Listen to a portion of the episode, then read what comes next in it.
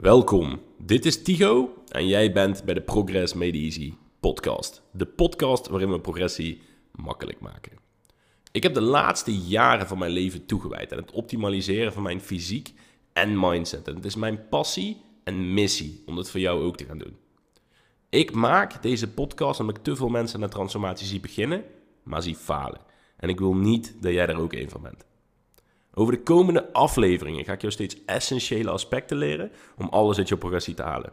Op een makkelijke en leuke manier. Volg mij in de road naar jouw transformatie. Welkom bij de nu al vierde aflevering van de Progress Made Easy podcast. Vorige keer heb ik het nogal veel gehad over training. Of eigenlijk was het gewoon een trainingstopic.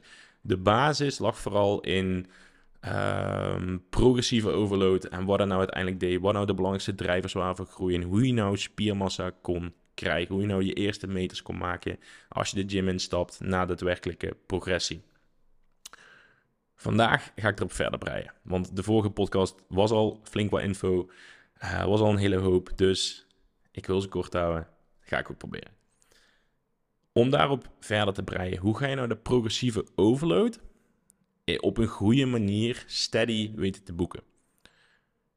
En heel veel mensen gaan hier voor de natte vinger aanpak. En dat is niet mijn voorkeur. Ik hou van logboeken. En dan denk je mensen al meteen van, oh, maar dat is veel moeite. Val best mee. Er zijn hele makkelijke manieren om te logboeken. Je kan het in een spreadsheet zetten. Ik zet voor al mijn atleet, zet ik zeg maar een trainingsschema, maak een logboek bij. Kunnen ze online dus de spreadsheets bijhouden. Maar je kan ook gewoon ergens eentje downloaden, maken. Um, uh, stuur me een DM. Ik ken wel mensen die een heel goed logboek hebben. als, je, als je geïnteresseerd bent. Um, maar het belangrijke met een logboek is, je weet precies wat je vorige week hebt gedaan. En kijk, mijn idee achter een logboek uh, is misschien een aparte, maar ik denk oprecht als je hem hebt, dat je er heel veel benefit gaat geven. En mijn kijk van het logboek is, als ik alles perfect heb gedaan in de afgelopen week.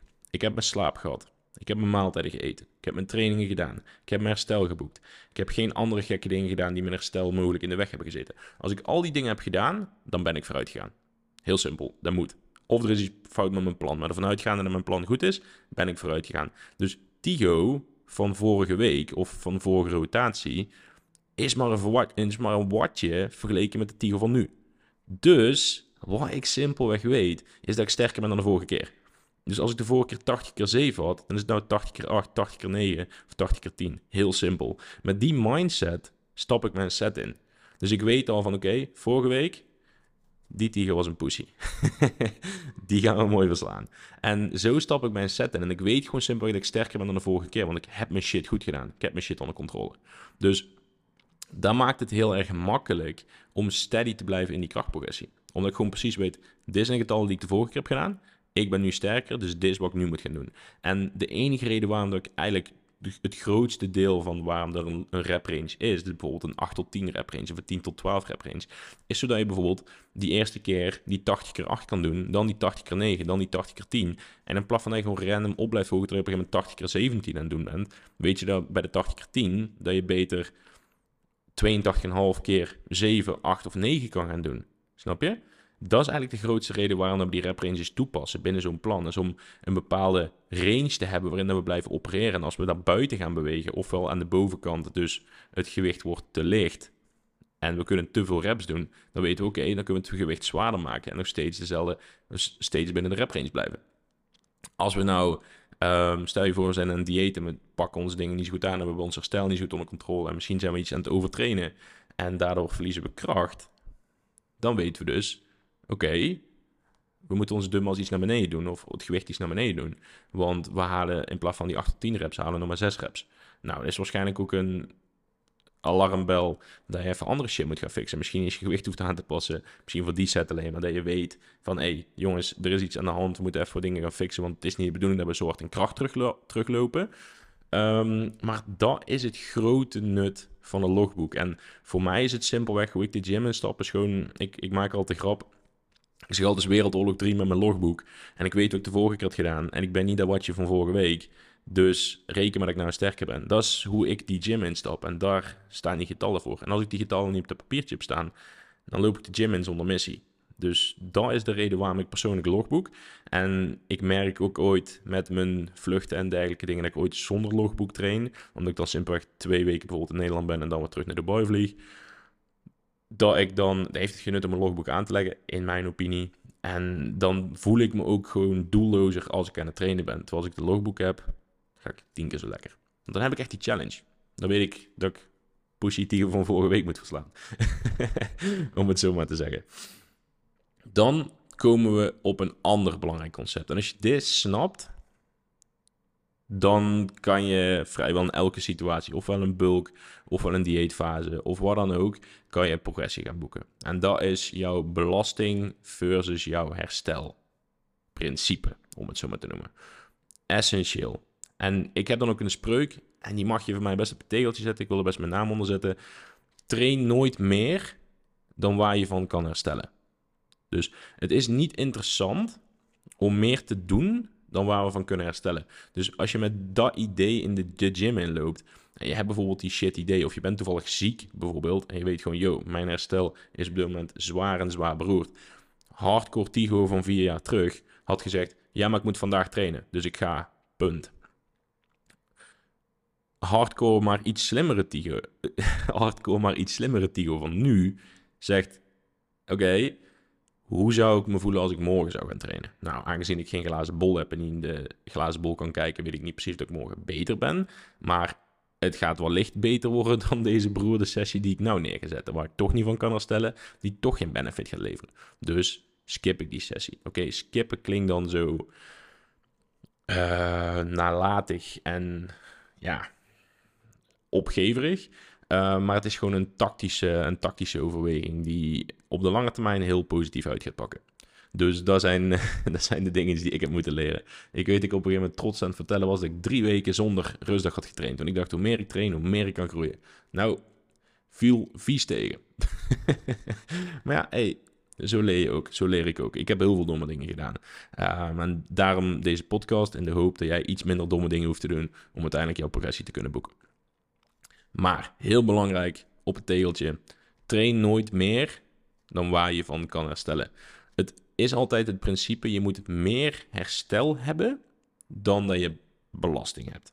Als dat fout gaat, dus stel je voor, en dat is de reden, nou ga ik even een sneak peek geven waarom de meeste mensen als ik kracht en spiermassa verliezen in een dieetfase, is ze houden zijn training hetzelfde, dus de belasting blijft hetzelfde, terwijl de herstel helemaal de tank in gaat. Want je eet minder, je hebt minder bouwstenen. Meestal wordt iedereen zijn slaap slechter in een dieetfase. Dus herstel, die gaat gewoon helemaal de tank in.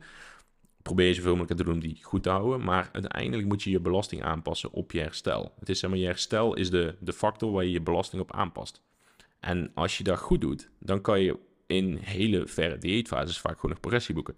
Doe je dat fout, dan zie je ineens, oh shit, ik raak al mijn spiermassa kwijt. En ik raak al mijn kracht kwijt. En ik ben van 80 naar 60 kilo gegaan op die oefening.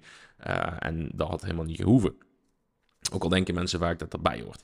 Dus dat is heel erg zonde. Maar dan weet je in ieder geval nu van als die dingen aan de hand zijn. hey, ik heb op dit moment een slechtere herstel dan mijn belasting is. Of mijn belasting ligt op dit moment hoger dan mijn herstel. Dus welke factor kan ik nou gaan aanpassen om uh, ja, die vergelijking weer goed te krijgen. Nou, kan ik magisch mijn herstel verbeteren? Waarschijnlijk niet. Zeg maar, stel je voor, je hebt een slechte week gehad omdat je stress hebt gehad en daarna niet kon slapen of zo. Je zou daar recht kunnen trekken en daardoor kan het beter gaan. Hey, weet je, nice.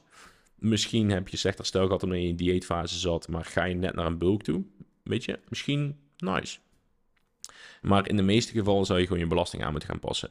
En ook nog een factor die je niet moet vergeten is cardio. Als je cardio omhoog gaat, gaat dus daarmee ook je belasting omhoog. Maar ook als je bijvoorbeeld een fysieke baan hebt, stel je voor je bent de hele dag tegels aan het leggen. Nou, dat is flinke belasting, dus daar moet je rekening mee houden. En dan kan je niet dezelfde output gooien als meneer de kantoorbaan. Of bijvoorbeeld ik, die gewoon vrijwel de hele dag op zijn lamme reet zit, schema's te schrijven en dingen te maken en weet ik veel wat.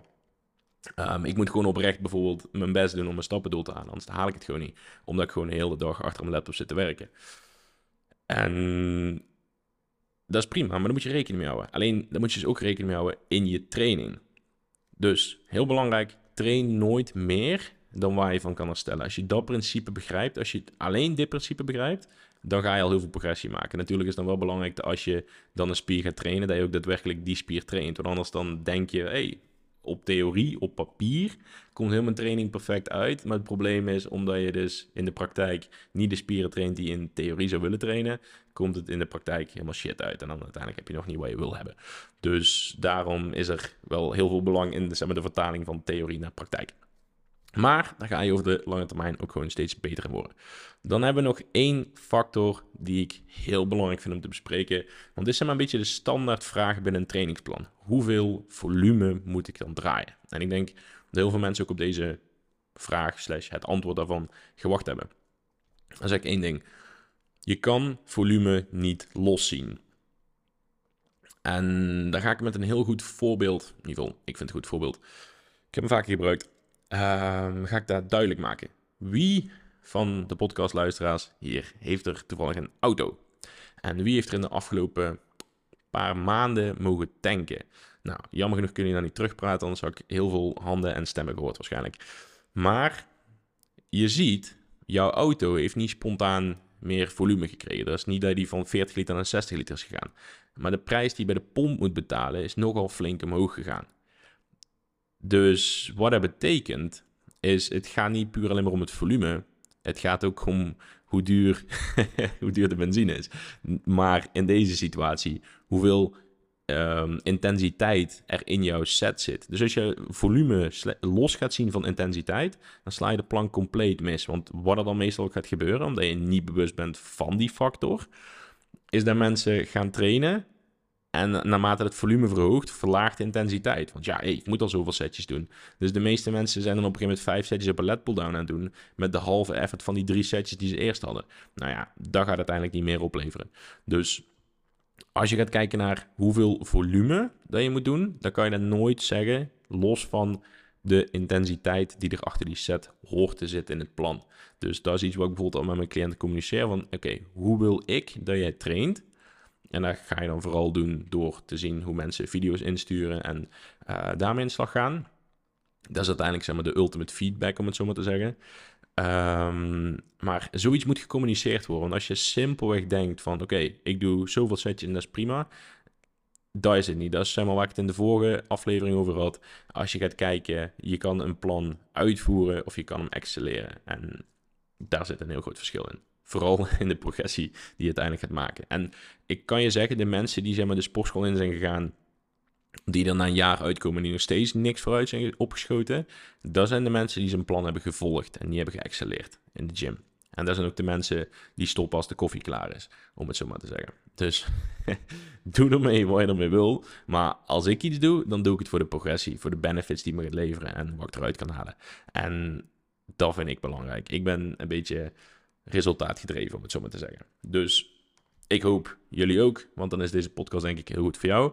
Ehm, maar dit waren de topics die ik wilde bespreken rondom training. Er zijn nog een hele hoop meer. Ik heb nog, mijn lijst is eigenlijk nog veel langer. Maar ik vind dit een hele mooie aflevering zo. Mooi gebundeld, mooie topics die bij elkaar passen. En een hele goede aanvulling op de vorige basis die er stond. Nogmaals, ik hoop dat jullie genoten hebben van deze podcast. Laat me horen als je um, heb geluisterd en er iets aan vond, of je hebt er wellicht nog een vraag, laat het me weten. Volgens mij kan je ook een review plaatsen op deze podcast. En volgens mij heeft er niemand er gedaan. Maar als je de eerste bent, vind je echt een held. Zou ik je echt heel erg dankbaar zijn. En dan zie ik je graag in de volgende podcast terug. Tot snel. Dankjewel.